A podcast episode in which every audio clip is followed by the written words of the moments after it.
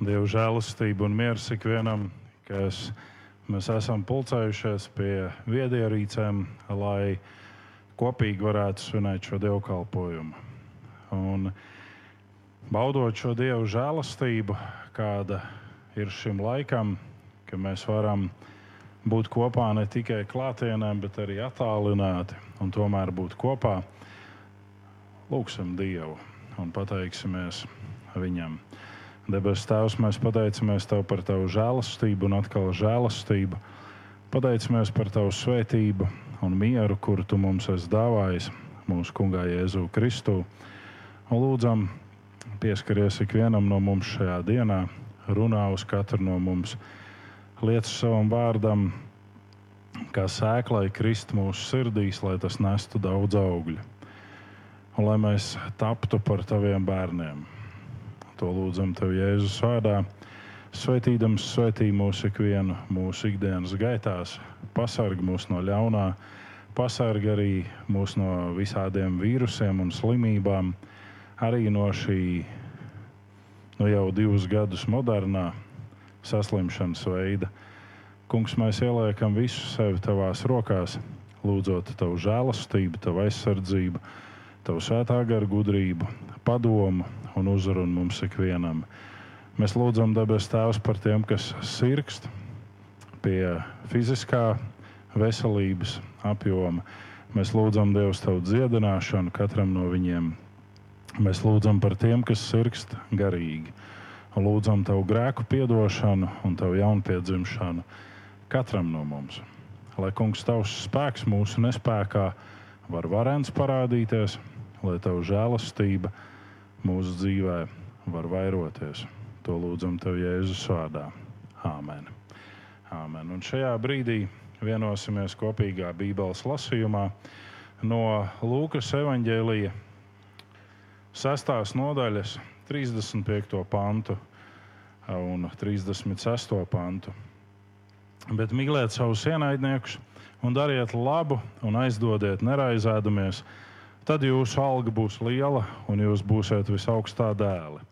Jo viņš ir laipnīgs pret nepateicīgajiem un ļaunajiem, topiet līdzcietīgi, kā jūsu tēvs ir līdzcietīgs. Āmen. Āmen. Un ko mēs redzam? Tas bija mūsu vakardienas dienas moto. Ko mēs redzam šajā tekstā? Jo arī es vakardien saņēmu kādu jautājumu ar eh, izbrīnu, ar neskaidrību, kā tad tā ir Mums ir jābūt līdzcietīgiem, un Dievs tā tad ir līdzcietīgs, un Dievs ir ļoti labiņš. Un tad uh, mums arī ir jābūt labiem, un tik visu, ko Dievs ir dāvājis, mēs kaisam pa labi, pa kreisi, un tik visiem piedodam. Pirmais, kas ir šajā tekstā teikts, ir netiesājiet. Jo katru reizi, kad mēs ienaidniekam, jeb tam, kurš mums ir pāri izdarījis, mēģinām atriepties, jeb atmaksāt, jeb sodīt viņu ar nerunāšanu, jeb ar jeb kādu citu izpausmi, mēs spriežam tieši. Ne? Tad, kad mēs runājam ļaunu, mēs spriežam tieši. Un ļaunu tas ir e, nepamatots apvainojums, mēs uzliekam. Ir pamatot apvainojumi, bet arī par tiem nevajadzētu runāt, jo katra šī runāšana mūs aizved tur, kur mēs negribam būt. Un tad, kad mēs domājam par šo pantu, par šiem diviem, tad mums ir vērts padomāt par to vienu izteiksmi. Ka grēks mūs aizved tālāk, nekā mēs varam aiziet. Grēks mums ma liek maksāt vairāk, nekā mums ir iespējas samaksāt, un grēks mūs patur ilgāk, nekā mums ir laiks. Ne. Un tas ir visā mūsu dzīves gājumā, mēs to redzam, Un mēs to varam piedzīvot, ka šajā panta kontekstā mēs saprotam, mīliet savus ienaidniekus. Tas nenozīmē, ka manam, manam ienaidniekam būtu jākrīt ap kaklu, eh, jāskūpst viņš no matu galiem līdz kāju pēdām. Bet tas nozīmē, ka es nerunāju ļaunu, jeb nerunāju nepatiesu par savu ienaidnieku. Un ka es jebkurā brīdī var apsēsties pie galda kopā ar ienaidnieku. Un kā Jēzus saka, ja viņš ir izsalcis, viņu paēdināt, ja viņš ir kails, viņu apģērbt. Mēs sakām, jā, bet kur tad ir tā vērtība? Un vērtība ir tajā, ka ar šo rīcību mēs atstājam visu tiesu Dieva rokās. Kas ir mūsu ienaidnieki? Vai tie cilvēki, kuri norāda uz mūsu problēmām un vājībām, ir mūsu ienaidnieki? Un atbildi ir nē. Nē, jo tādā gadījumā, ja mēs sākam šādi skatīties uz cilvēkiem, ka mēs esam tik ļoti neaizskarams būtnes, ka mums nevar neko pateikt aizrādoši, tad jau sanāk, ka mēs arī e, Jēzu sūtām prom. Jo Jēzus arī gāja un norādīja cilvēkiem viņa nepilnības. Ne? Un šodien ir tas paradoks, piemēram, ir cilvēki, kas saka viens otram ticības stiprinājumā, un tomēr šo aizrādījumu, nu, piemēram, kāpēc tu baidies? Kāpēc tu baidies? Nu, kāpēc tu baidies no šīs sadraudzības? O, man ir bail, piemēram, saslimt bet tu esi vakcinēts. Un, un, un visas iespējas ir, ka tu vari vieglākā formā saslimt. Vai patiešām tu sēdi mājās un nekur ārā nekusties? Un tad mēs paņemam apvainošanos un sakam, mani redz, spiež, man aizrāda uz manām vājajām vietām, un, un es jūtos ļoti nelaimīgs. Par ko nelaimīgs? Jēzus apsauc Pēteri kas bija viens no viņu vistuvākajiem, un teica: Tu masticīgais, tu šaubies. Tu neusticies, tu nepaļaujies. Tā tad Jēzus arī pārkāpa kaut ko. Ne? Tad, kad Jēzus runāja, kad mēs skatījāmies šo personīgo sastapšanos ar sievieti pie akses, Jēzus teica, ej, pasauc savu vīru. Viņa saka, man nav vīra, man nav ko pasaukt. Uh, viņš saka, pareizi, pārējais, tev pieci ir bijuši, un tas, kas ir tagad, nav tavs vīrs. Un uh, šī sieviete samulst. Tā tad arī to nedrīkstēja teikt. Un tā tad caķēji nedrīkstēja saukt lejā no koka. Ja viņš gribēja sēdēt uz savu paštaisnības koku, tad viņš varēja sēdēt. Un arī ļaundarim pie krusta nedrīkstēja teikt, šodien tu ar mani būsi paradīzē, jo tas nozīmē, ka mēs norādām, ka ļaundars pie krusta ir grēcinieks. Tā tad uh, viss Jēzus veikums, viss darbs ir cūkām, vai ne? Kā pērlis aizmests priekšā. Un šeit ir teikts, nē, mīlēt savus ienaidniekus, Un tie nav mūsu ienaidnieki, kas aizrāda mums uz mūsu nepilnībām un vājībām.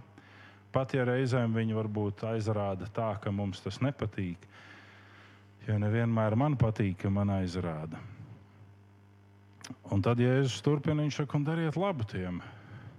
Dariet labu tiem cilvēkiem, kas ir darījuši ļaunu jums.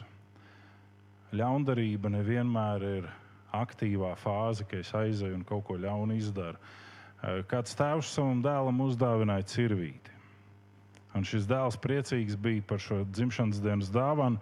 Un viņš gāja ar šo cirvīti un, un cirta visu, kas bija viņa ceļā. Un viņš nocirta kādu krūmu, un viņš nocirta kādu e, zariņu kokam. Cirvīts bija skaists, saulē zaigoja. Un viņš iegāja dārzā un ar šo cirvīti nocirta vienu ābeli. Un tā bija pat labākā ābele, kas ražoja vislabākos augļus. Un tēvs jautāja visiem eh, darboņiem mājās, tēvs jautāja saviem bērniem, kurš ir nocirts šo ābeli. Un šis zēns klusēja un teica, es neko nezinu, un vispār arī teica, ka neviens neko nezina.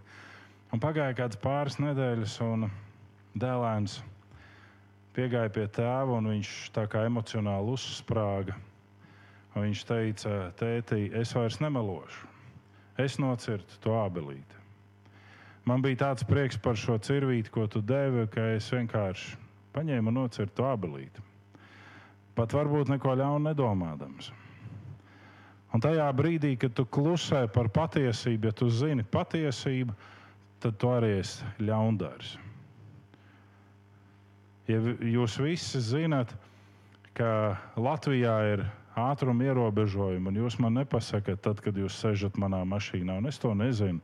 Es nezinu, ko nozīmē tās sarkanas, baltās, apaļās zīmes ar cipariņiem. Man liekas, ka tas ir vienkārši kaut kādi skaitītāji. Un es braucu, es pārkāpu likumu, un es tieku sodīts.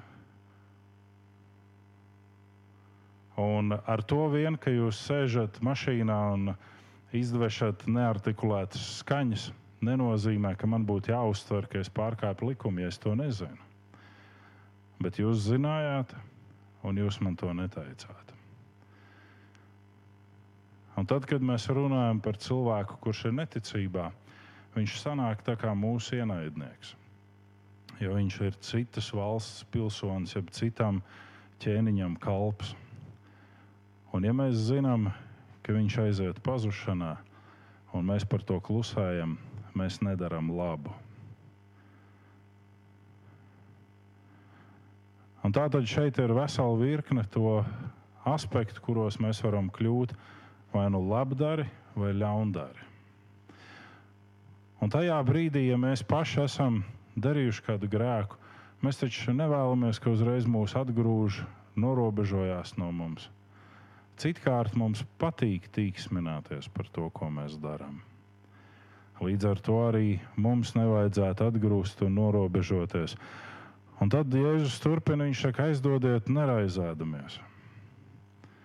Un tad, kad mēs aizdodam, pirmkārt, Bībele paredz, ka mēs to darām bez procentiem, otrkārt, neraizēdamies. Jo tas, kas ir mans, man ir Dieva dots. Un tas ir Dieva dots ar kādiem mērķiem, kurus tajā brīdī es pat īsti nezinu. Man liekas, ka tie ir, lai es piepildītu savus kādus mērķus. Bet Dievs mūs testē visu šajā jautājumā visos šajos jautājumos. Un tad ir tas noslēgums, tad jūsu alga būs liela un jūs būsiet visaugstākā dēli. Kāds tad viņš ir? Viņš ir laipnīgs pret nepateicīgajiem un ļaunajiem. Un Imants Ziedonis saka, ka dzinieki nekad neraksta par to, kas notiek labi. Dzinieki raksta par trūkumu dzinieki raksta par nepiepildītām ilgām. Nu, es pieņemu arī visi citi mākslinieki, un tādēļ es saprotu, kādas ir šī mākslinieka brektas nepiepildītās ilgas. To var atainot viņa gleznas, bet jebkurā gadījumā mākslinieki, jeb dzinieki raksta par trūkumu. Un, ja jūs lasat dzēju, un es iesaku lasīt dzēju, man pašam patīk dzēja, jūs redzat, ka ir tik maz dzējoļu par tām lietām, kas piepildās ir tik daudz dzēja par to, kas trūkst. Ne. Un šis ir viens no tiem trūkumiem, ka mēs neesam pateicīgi. Mēs neesam pateicīgi. Mēs mākam vienmēr norādīt 1230 vārdus, lietojot par katru lietu, kas mums trūkst. Bet tik maz mēs pateicamies par to, kā mums ir un kas mums ir. Un tikai tad, kad mums tiek paņemta viena lieta vai cita lieta nost, tad mēs sākam vērtēt to, kas bija. Vai patiešām vienmēr mums ir jābūt pašiem gar zemi, zirgam gar zemi un pilnai mutē ar zemi, lai mēs sāktu vērtēt to, kas mums ir? Nē, un te ir teikts, Viņš ir laipnīgs pret nepateicīgajiem, pret tiem, kuri nepateicās par to, kas tiem ir. Un turpinājums viņš ir laipnīgs pret ļaunajiem, pret tiem, kas sunīja viņu, spļauj viņam sejā. Un tad ir noslēdzošais teksts: Topiet līdzcietīgāk, kā jūsu tēvs ir līdzcietīgs. Neatkarīgi no tā, kāda ir visa šī apkārtējā fona situācija esiet līdzcietīgi. Kāds puisis iegādājās izsīkušu ezeru, kur uh, izsīcis viņš bija tāpēc, ka bija aizaudzis, bija aizlaists. Un šis puisis sakopa šo ezeru teritoriju, izpļāva visu, apūdeņoja, atdzīvināja to avotu, kurš bija aizbērts. Un apkārt ezeram viņš sastādīja skaistus dārzus ar ziediem, ar krūmiem, ar augļu kokiem. Viņš bija tik lepns par to, ko viņš bija izdarījis. Viņš bez daudziem citiem cilvēkiem, ko viņš aicināja apskatīt savu veikumu, viņš uzaicināja arī vietējo mācītāju. Un mācītājs staigāja, un viņš teica, jā, patiešām, cik Dievs ir radījis krāšņu šo pasauli. Un puisis norādīja atkal uz kādiem augļu kokiem, lai mācītājs pagaršo, mācītājs pagaršo. Viņš teica, cik Dievs ir radījis brīnišķīgus augļus un ogas, un kāds krāšņums ir ziedos.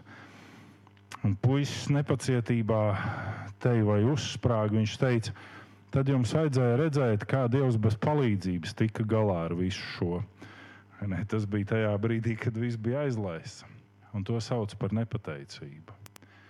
Mums šķiet, ka mēs esam tie numur viens, kas paveicam visu. Bet, ja Dievs nedod mums gudru prātu, un ja Dievs nedod mums veselību un svētību, Un, ja Dievs nedod mums to iespēju, ka mēs varam iet arī ar sakostiem zobiem, tā mēs mēdzam teikt, tad nebūtu nekā no tā visa. Tāpēc būsim vērīgi un prātīgi, ka mēs topam līdzcietīgi un esam līdzīgi mūsu debesu tēvam. Lai Dievs svētī mūsu ikvienu, vienosimies lūgšanā. Debesu Tēvs piedod mūsu nepateicību, piedod mūsu brīžam pat varbūt aprobežotību un ļauj mums katram vairot labo. Ne tikai mūsu pašu vidū, bet vairot labo ap mums. Vairot skaisto un krāšņo. Nevis pateikt, ka tad, ja mēs nelīdzdarbojamies, tad uh, viss ir aizlaists un aizaudzis, bet apzināties, ka tu esi tas, kurš mums dod šo iespēju darīt. Tu esi tas, kurš dod mums iespēju izstarot esi mūsu gaisma un spīd caur mums katru. Svetī šo dienu. Āmen. Šajā brīdī dziedāsim.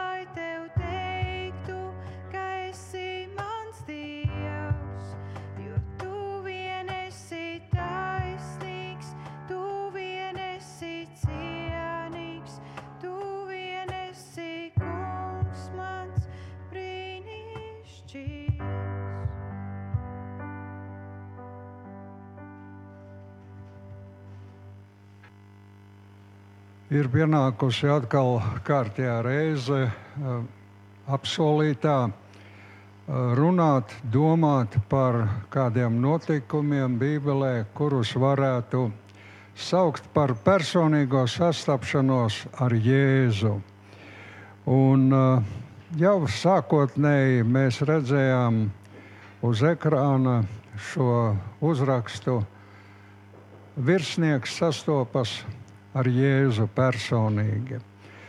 Man uh, ir nedaudz jāatvainojas, jo šī sastapšanās virsniekam būs dikti interesanta. Un vēl es runāšu par trim citiem notikumiem, kuri arī būs daudz, daudz savādāki nekā no virsraksta izklausās. Un dziesmas piedziedājumā mani aizskāra kāda lieta. Un proti, Jēzus ir starp diviem krustiem uz trešā krusta sists.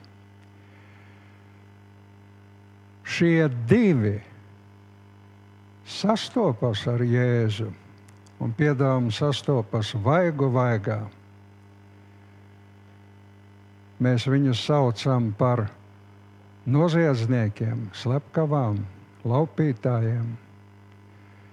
Un cik šo divu vīru sastapšanās ir ļoti atšķirīga. Viens zaimo, nicina un mirst. Otrs lūdz žēlastību. Un pilnīgi atšķirīgi uzvedās un viņš saņem šo žēlastību. Jā, viņš miesīgi mirst, bet viņš ir saņēmis žēlastību. Viņš ir saņēmis apsolījumu, garantiju. Šodien tu būsi ar mani paradīzē. Par šo notikumu arī ir viss, ko es patreiz ļoti steidzīgi Dieva skubināts jums esmu līdzdalījis. Bet atrodiet Bībelē šo notikumu, pārlasiet un pamēģiniet sajust, pie kuras personības jūs varat sevi pieskaitīt. Nu, protams, ne Jēzus. Tātad mēs šodien apskatīsim jau mācītājs Uģis mums atgādināja rakstu vietas, kuras vajadzētu izlasīt, lai vieglāk būtu saprast. Es tās nepārlasīšu, es pat tās nepieminēšu, tikai šomir, šobrīd gribu nocitēt divreiz nosaukumus un ciparus, ja nu kāds ir palaidis garām.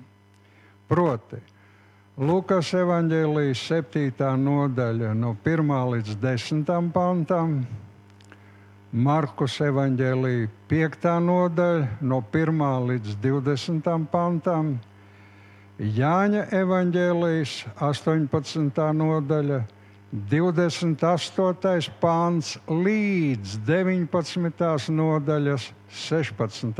pantam un Lukas evanģēlījuma 5. nodaļa no 1. līdz 11. pantam. Šobrīd nolieksim galvas lūkšanai. Kungs, mūsu debesu Tēvs, vienīgais, patiesi dzīvais Izraēlas svētais Dievs, kas pēc sava labā prāta un žēlastības esi mūs izvēlējies un aicinājis kļūt par sekotājiem, glābējiem, un tā atkal par taviem bērniem. Un tev ar to nepietika. Tu sūtīji savu garu, lai, lai tas palīdzētu mums atzīt savu pazušanu un stiprinātu, spērt atgriešanās soļus kas realizējās ar pagremdas derību pilnīgi jaunai dzīvei debesu valstībā. Un tu liki savam garam, mūsu garam apliecināt, ka mēs atkal esam tavi bērni ar visām mantošanas tiesībām. Un ja vien mēs paliksim mūsu glābēja vārdā, staigāsim tavā garā, tad tu mūs vedīsi no spēka uz spēku. Tas ir no ticības lielākā ticībā, līdz mēs tevi skatīsim godībā. Tāpēc mēs lūdzam atdošanu ka pie tik lieliem apsolījumiem, līdzīgi senajam Izrēlim, atļaujamies koķetēt ar pasauli, no kuras tu esi mūs izvedis. Tēvs, lūdzu, piedodi un savā žēlastībā ved mūs atpakaļ pie pirmās mīlestības uz tevi, ka mēs degdami mīlestībā uz tevi ejam tavu godu vairot. Mēs pateicamies, ka tu nesi mūs atmetis dažādo elku pielūgšanas dēļ, bet ar vien vēl pacietīgi gaidi mūs nākam pie atziņas, kur ir tēvs un tēva mājas. Tev, tēvs, lai ir gods par tavu neizmērojamo mīlestību, augu audzēs. Āmen!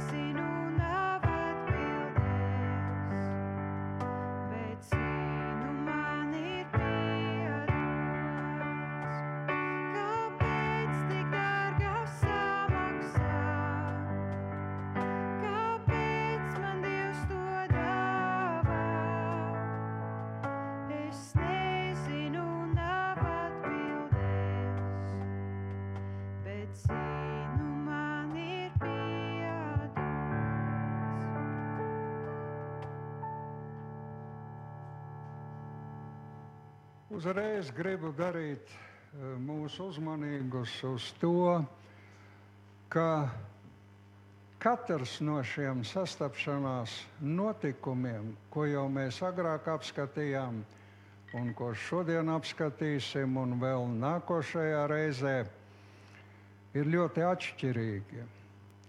Un tas ir labi. Zinot, kāpēc? Tāpēc, ka mēs patiesībā neesam viens otram līdzīgi. Dievs tā nav radījis. Dievs ir katru cilvēku pilnīgi personīgi veidojis. Un ja virspusēji tā liekas, nu, tas jau ir līdzīgs. Pavērojot rūpīgāk, mēs atrodam ļoti daudz atšķirību. Un šajos četros notikumos arī sastapšanās personāži ir gan no dažādiem sociālajiem līmeņiem. Varētu teikt, nu, no paša zemākā līdz pašai augstākai. Nu, tā cilvēcīgi spriežot, jo Dievs jau redz šīs lietas savādāk. Un tāpēc, tāpēc Dievs ir šos notikumus licis pierakstīt, lai ar viņa vārdu sastopoties, jeb vēl pareizāk, caur viņa vārdu sastopoties ar viņu, mēs katrs varētu sajust, nu, tas jau ir par mani, tas jau ir priekš manis. Mēs pirmajā gadījumā sastapsimies ar jūdu vecajiem, ar kalpiem, draugiem Otrajā gadījumā mēs sastapsimies ar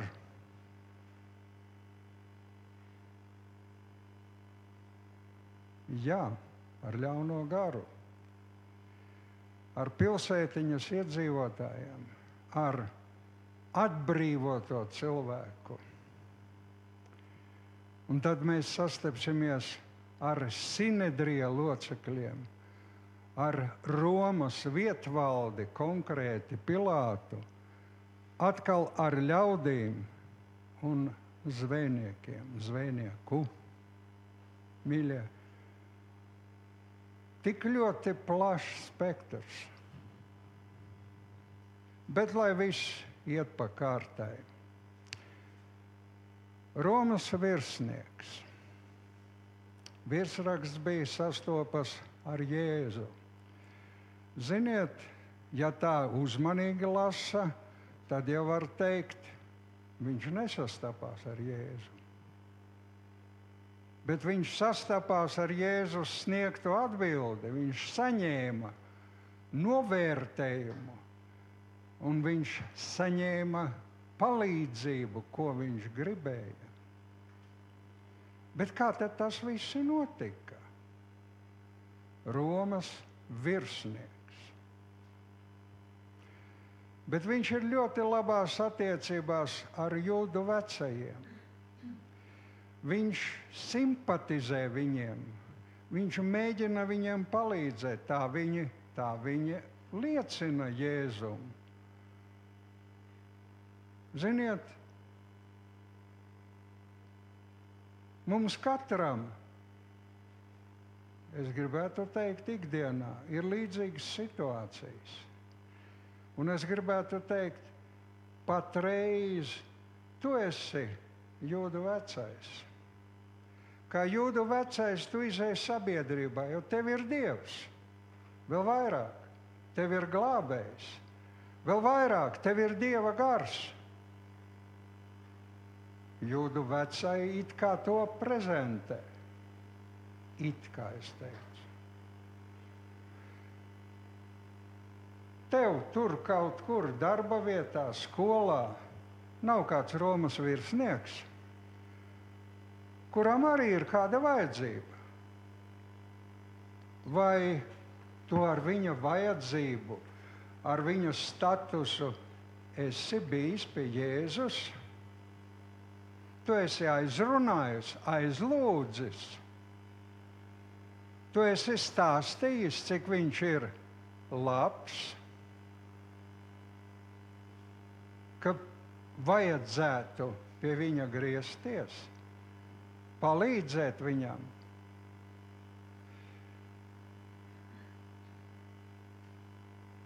Mēs bieži šo bildi gribam redzēt tikai no šīs vienas puses. Bet tā nav. Tāpēc viņš nav rakstīts šis notikums. Tur vēl ir kādi kalpi, draugi, kuri atkal ir kā starpnieki kuriem Romas virsnieks ir izteicis, ko vajadzētu Jēzum pateikt. Viņš, viņš gan saka, ka viņš kautrējās, ka viņš neredz sevi tik cienīgu, lai ietu pie Jēzus. Bet kā tad tu sūti kalpus, tie jau vēl, vēl zemāks līmenis ir. Nu, ka, lai būtu kā būtu, bet tie uzticīgi iet un izstāsta Jēzum, un nes atpakaļ Jēzus atbildi. Atkal, tu vari būt šis kalps, tu vari būt šis draugs, kuram tiek uzticēts. Tikai mēs par šiem kalpiem un draugiem nelasām, ka viņi gāja uz tirgus laukumu un tirgus laukumā izstāstīja, redz, kā tam Romas virsniekam, ka viņa kalps, labākais kalps ir saslimis. Nē, viņi gāja pie Jēzus. Mēs bieži šīs divas lietas sajaucam mums ir kaut kas pateikts, ar ko vajadzēja iet pie Jēzus, bet nosacīti mēs esam aizgājuši uz tirgus laukumu. Un, mīļie, visbeidzot, ir šis Romas virsnieks.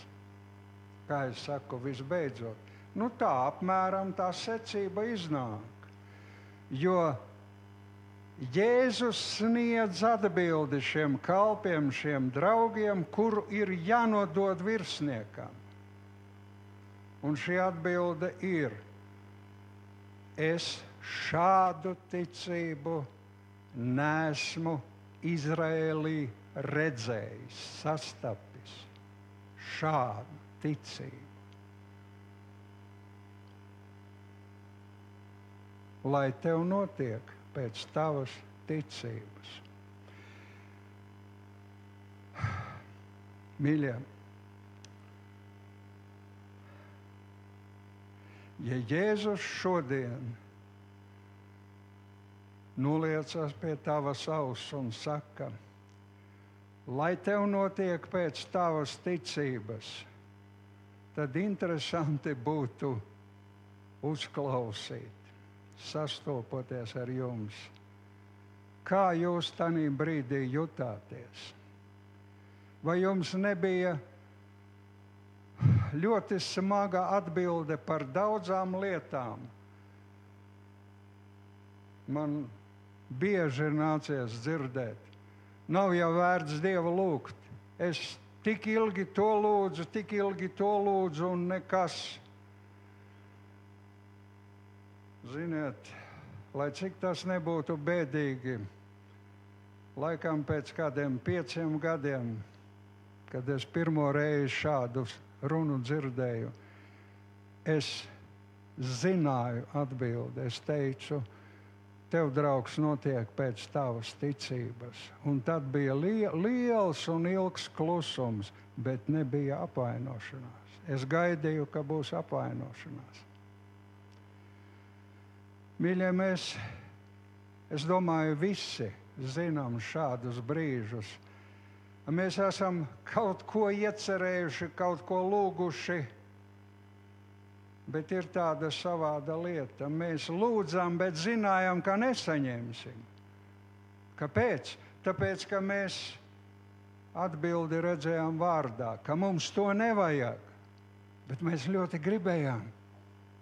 Un, protams, mēs nesaņēmām. Tad kāpēc mēs lūdzām? Romas virsnieks saņēma. Un viņš saņēma vairāk. Viņš nebija prasījis, lai novērtē viņa ticību, bet Jēzus novērtēja.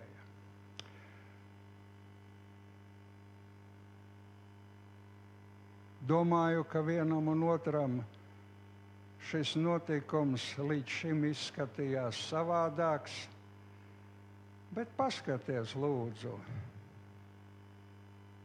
Es savam dzīves draugam teicu, ka šī ir ceturtā korekcija divu mēnešu laikā par šiem četriem notikumiem. Trīs reizes Dievs man lika izmest miskastē, un šī ir ceturtā, ar kuru es stāvu jūsu priekšā.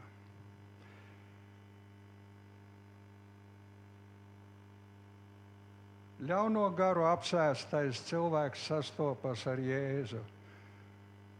Tā ir šis notikums nosaukts, bet tā nav patiesība. Lasiet uzmanīgi šo stāstu. Jā, ļauno garu apsēstais vīrs skrēja pretī. Bet Jēzu uzrunā ļaunais gars, nevis šis cilvēks. Tur ir ļoti skaidri uzrakstīts. Un paldies Dievam, ka viens vienīgs manā mūžā ir piedzīvojums no kura es saprotu, kā tas ir. Man bija kādā gadījumā, daudzus gadus atpakaļ, jārunā ar kādu jaunu meiteni. Bet es ar viņu nevarēju runāt, pirms es nepateicu ļaunajam garam, pazūdi. Un tad meitenes acis pārvērtās un bija manā priekšā jauns bērns.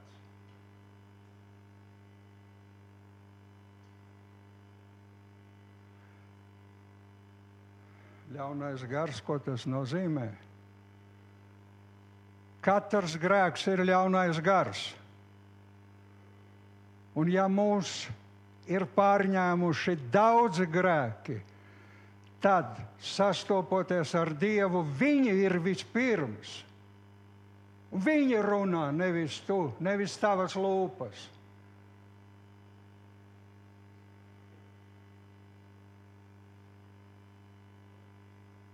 Tu nedzirdi šo sarunu. Bet Jēzus jautā ļaunajam garam, kāds ir tavs vārds? Leģions. Tātad 6000.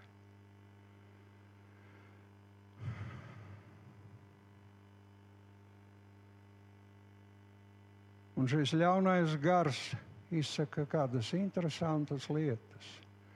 Nemoki mani, vai tad Dieva dēls vispār kādu moka?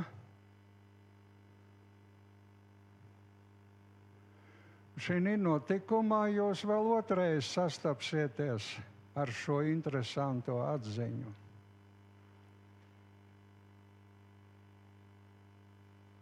Un lai nu paliek tā atļauja, ko Jēzus sniedz, tas tā ļoti savādi izskan, bet nu, tajā laikā, tajā vidē ļoti saprotami.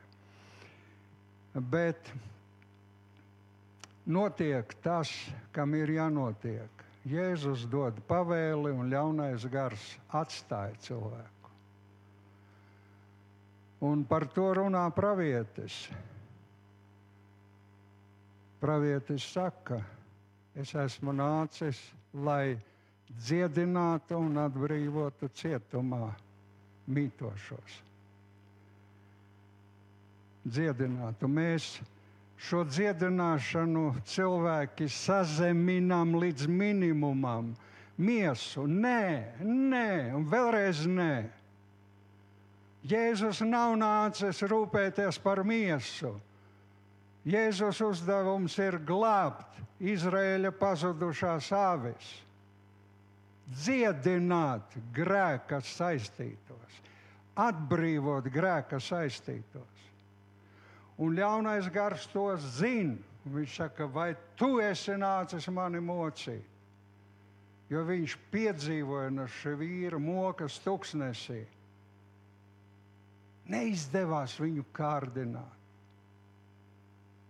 Ļaunajam garam bija jāiziet. Un tagad šis vīrs ir atnācis. Nu, skaidrs, ka viņš mani padzīs. Skaidrs. Un kur nu man palikt?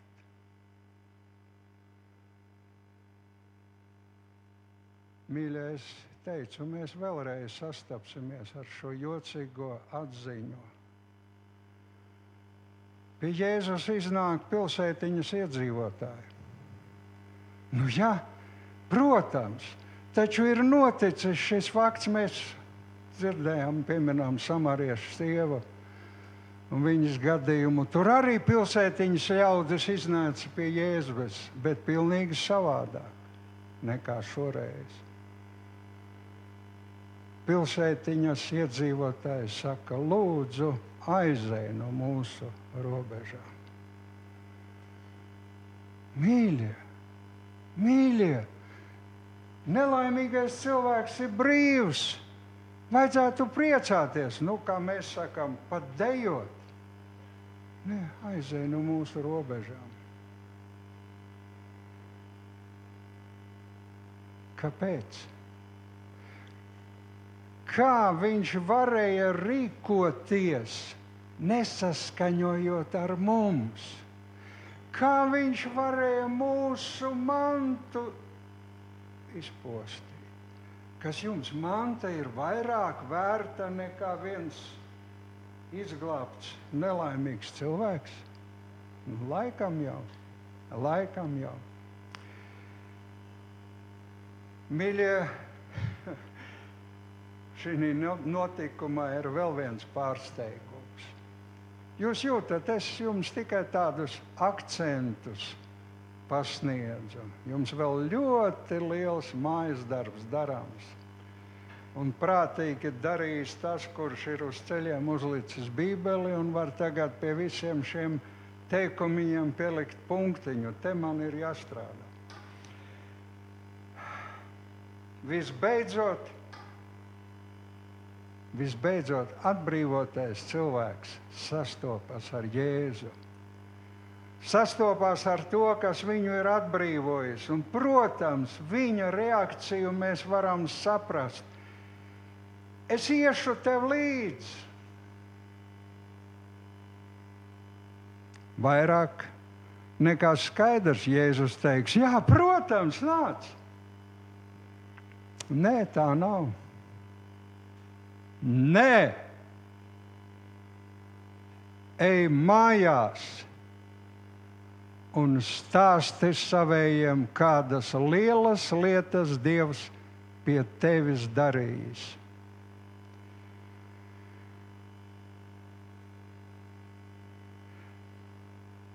Ak, cik viegli ir aizbraukt uz citu pilsētu un liecināt, kas, ar mani ir noticis un kādas parādības es esmu redzējis un kā mana dzīve izmainījās un tā tālāk. Un cik ļoti grūti ir aiziet pie saviem darba biedriem, kuri mani astoņas stundas katras piecas dienas redz un teikt, kā mana dzīve ir mainījusies. Un vēl traģiskāk - atgriezties mājā, ģimenē, kura varbūt no manis ir vai kā cietusi, un tagad es viņai mēģināšu iestāstīt, ka, ka tas ir pagājis, un, un viņa jau rīt pārbaudīs, vai tas ir pagājis, vai tas nav pagājis. Bet, ziniet, šai liecībai būs vislielākais efekts. Jā, dienu, divas, trīs nedēļu, un šie mājas ļaudis teiks, klau, aizved mūs pie šī vīra. Mums arī vajag šo piedzīvojumu. Mēs arī gribam mainīt savu dzīvi. Ja jau viņš to var, tad mums to vajag.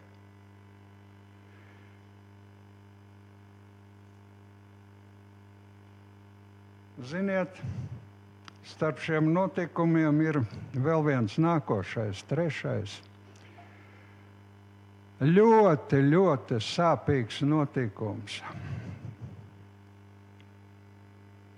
Notikums, no kura visi dalībnieki, izņemot vienu, aiziet kā zaudētāji. Visi. Un tas ir Romas vietvaldis Pilārs sastopas ar Jēzu. Tāds ir nosaukums. Bet tur ir sinedrija locekļu, tur ir ļaužu pūlis, tur ir arī kaut kur mācekļi.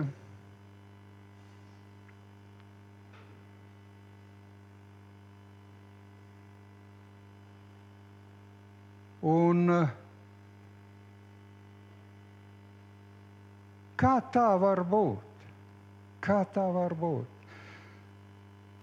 Nu, redziet, Jāņa evanģēlijumā, pirmā nodaļā, 12. pāns saka, bet cik viņu uzņēma, pieņēma, tiem viņš deva varu.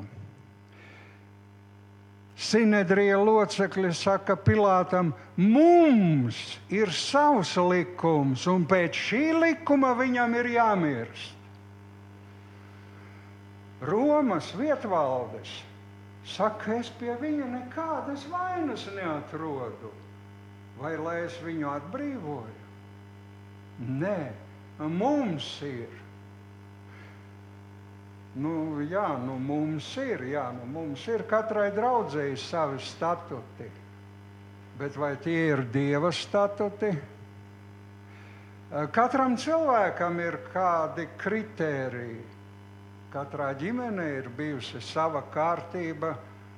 Un ļoti grūti ir diviem no dažādām ģimenēm nākošiem cilvēkiem izveidot kaut ko kopsakarīgu. Un, protams, tad to mēģināt nodot tālāk, jo katram gribās palikt pie šī sava.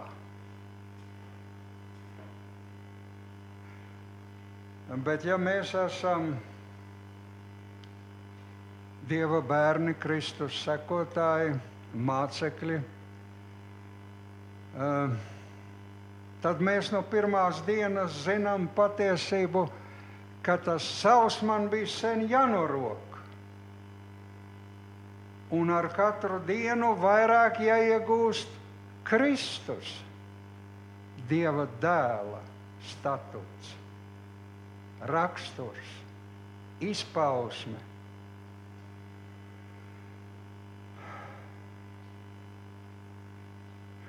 Jēzus no šī notikuma aiziet kā vienīgais ieguvējs.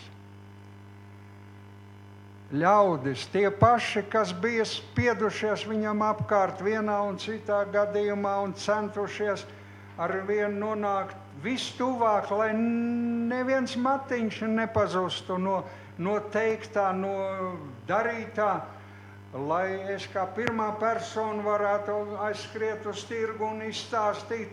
Viņš tur to darīja, un viņš tā teica. Pirmtiesības. Un tagad, ko viņš saka? sit viņu krustā. Tie paši ļaudis, tie paši. Tad gribās jautāt, ko tas, ko tas līdzēja, ka jūs dzirdējat, ka viņš runā kā pats varenais? Ko tas deva tev? Kāds ieguvums?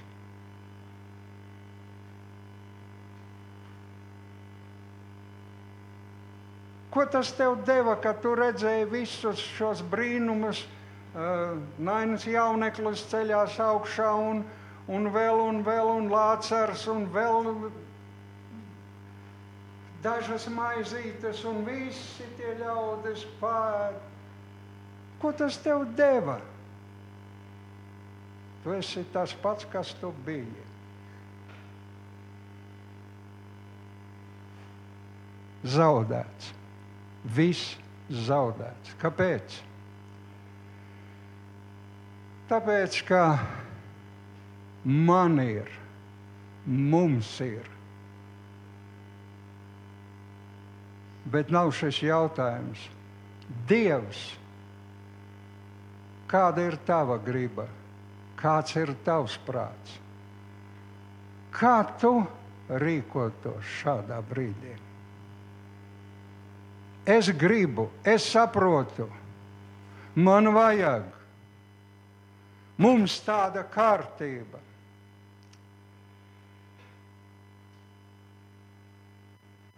Pie sāpīgām lietām ilgi kavēties negribas. Bet kaut nu neviens mēs sevi nesajustu šajā notikumā piederošu. Jēzus sastopas, ja pareizāk zvejnieks sastopas ar Jēzu. Nu, atkal nav gluži tā, bet ir. Nav gluži tā, bet ir. Šis notikums iesākās ar to, ka ļaudis satraukti uz mirkli pazaudējuši Jēzu, beidzot, beidzot zina, kur viņš ir. Un nu, baru bariem atkal ir pie viņa. Un, un pulcējās ap viņu, un kā parasti spiežās pēc iespējas tuvāk klāt, un viņš, protams, viņus māca. Viss kā parasti. Un tad kādā brīdī notiek kaut kas, atkal varētu teikt, kā parasts, bet nu gluži nē. Simona brauc jūrā un izmet tīklu laivas labajā pusē. Bet pirms tam ir vēl viens neliels teikums.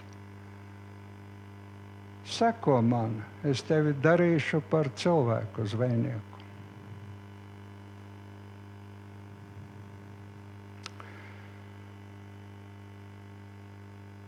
Tā, protams, ir mana fantāzija, un Es esmu dzirdējis, ka neesmu vien tā. Vēl daži kādreiz tā ir pieļāvuši Sīmaņa reakcija. Viņš zina, ka tas ir namdaris. No tēva mācījies labāks vai sliktāks, bet namdaris. Nu jā, viņš ir kļuvis skolotājs. Bet kāda viņam zināšana par zvejošanu? Un tomēr brīdi bijis ar Jēzu kopā, viņš vairs nemeklē iespēju saprast Jēzus doto ieteikumu, pavēli. Bet viņš, viņš ir iemācījies, ka Jēzum ir jāpaklausa. Saproti, nesaproti, jāpaklausa.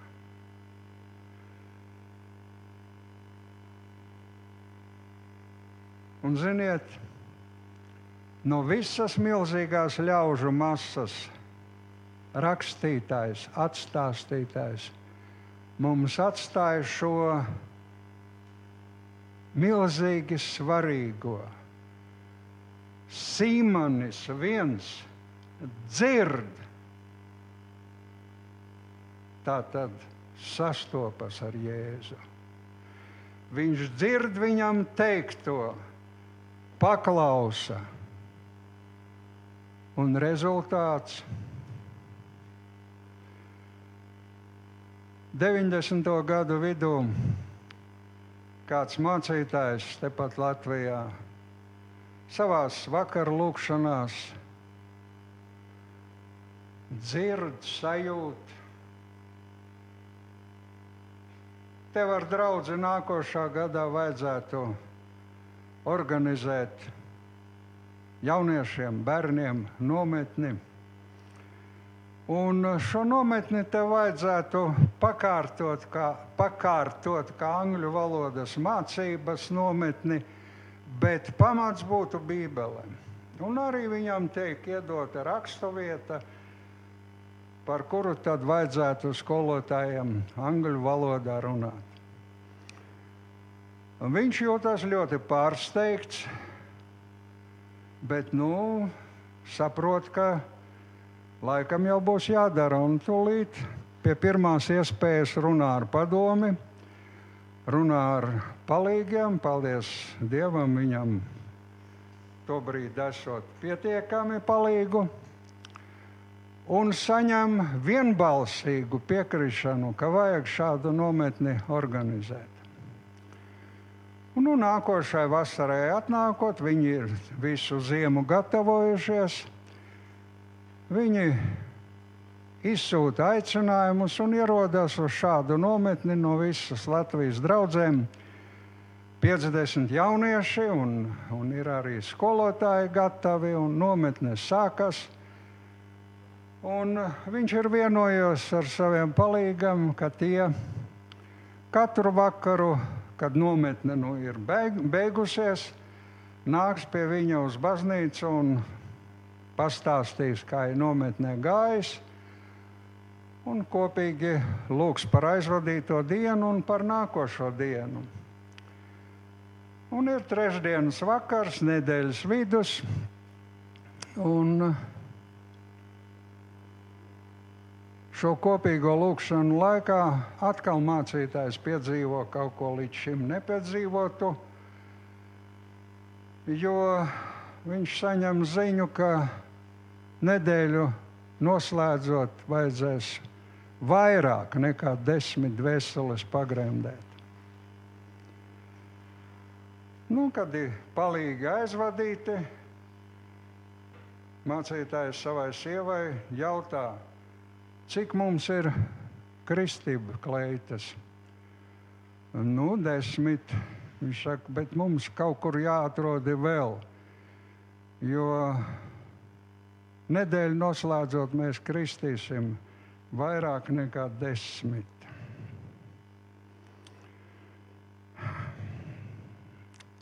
Sieva neko neiebilstot, sāk rūpīgi meklēt, un vēl ir desmit atradusi kaimiņu draugzēs. Sesdienas vakarā nedēļu noslēdzot, ir noslēguma dievkalpojums, kurā jaunieši viens pēc otra liecina, ko nu nedēļā ir piedzīvojuši. Un mācītājs šīs liecības apkopojot, beigās saka,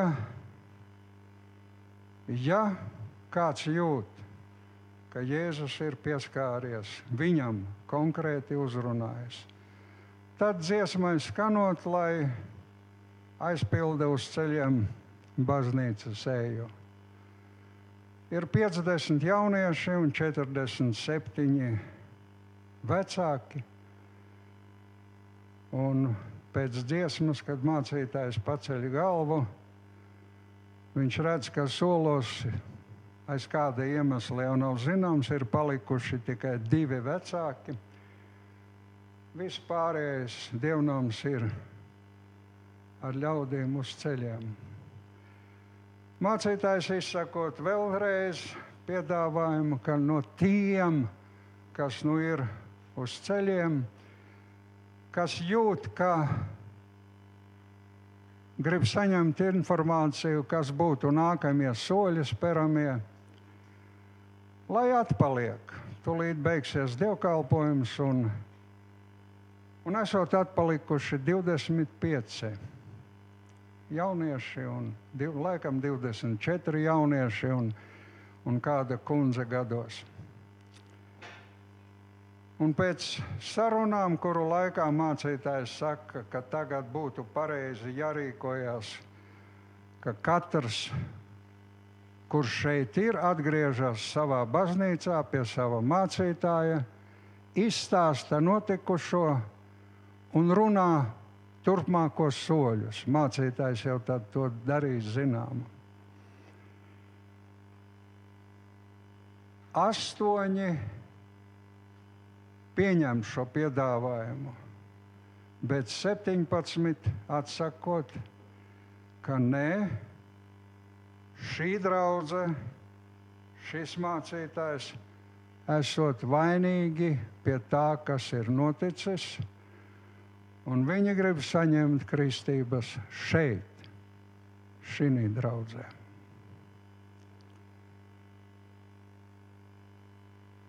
Un tā svētdienas rītā pirms dievkalpojuma mācītājs ar palīgiem un 17 veselēm piedalās kristību derībās.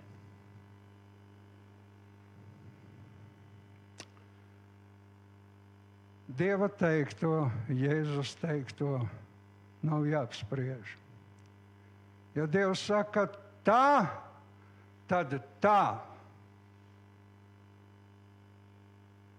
Un tīklu tu nevarēsi izvilkt viens. Tev vajadzēs saukt palīgus. Tas, kas šodien Latvijā trūkst, baznīcās ir daudz klausītāju, bet nav to, kas paklausa. Ir ļoti daudz, kas apspriež vārdā rakstīto. Nu, jā, nu, jā. Ja vārdā ir Dievs teicis tā, tad tā. Āmen.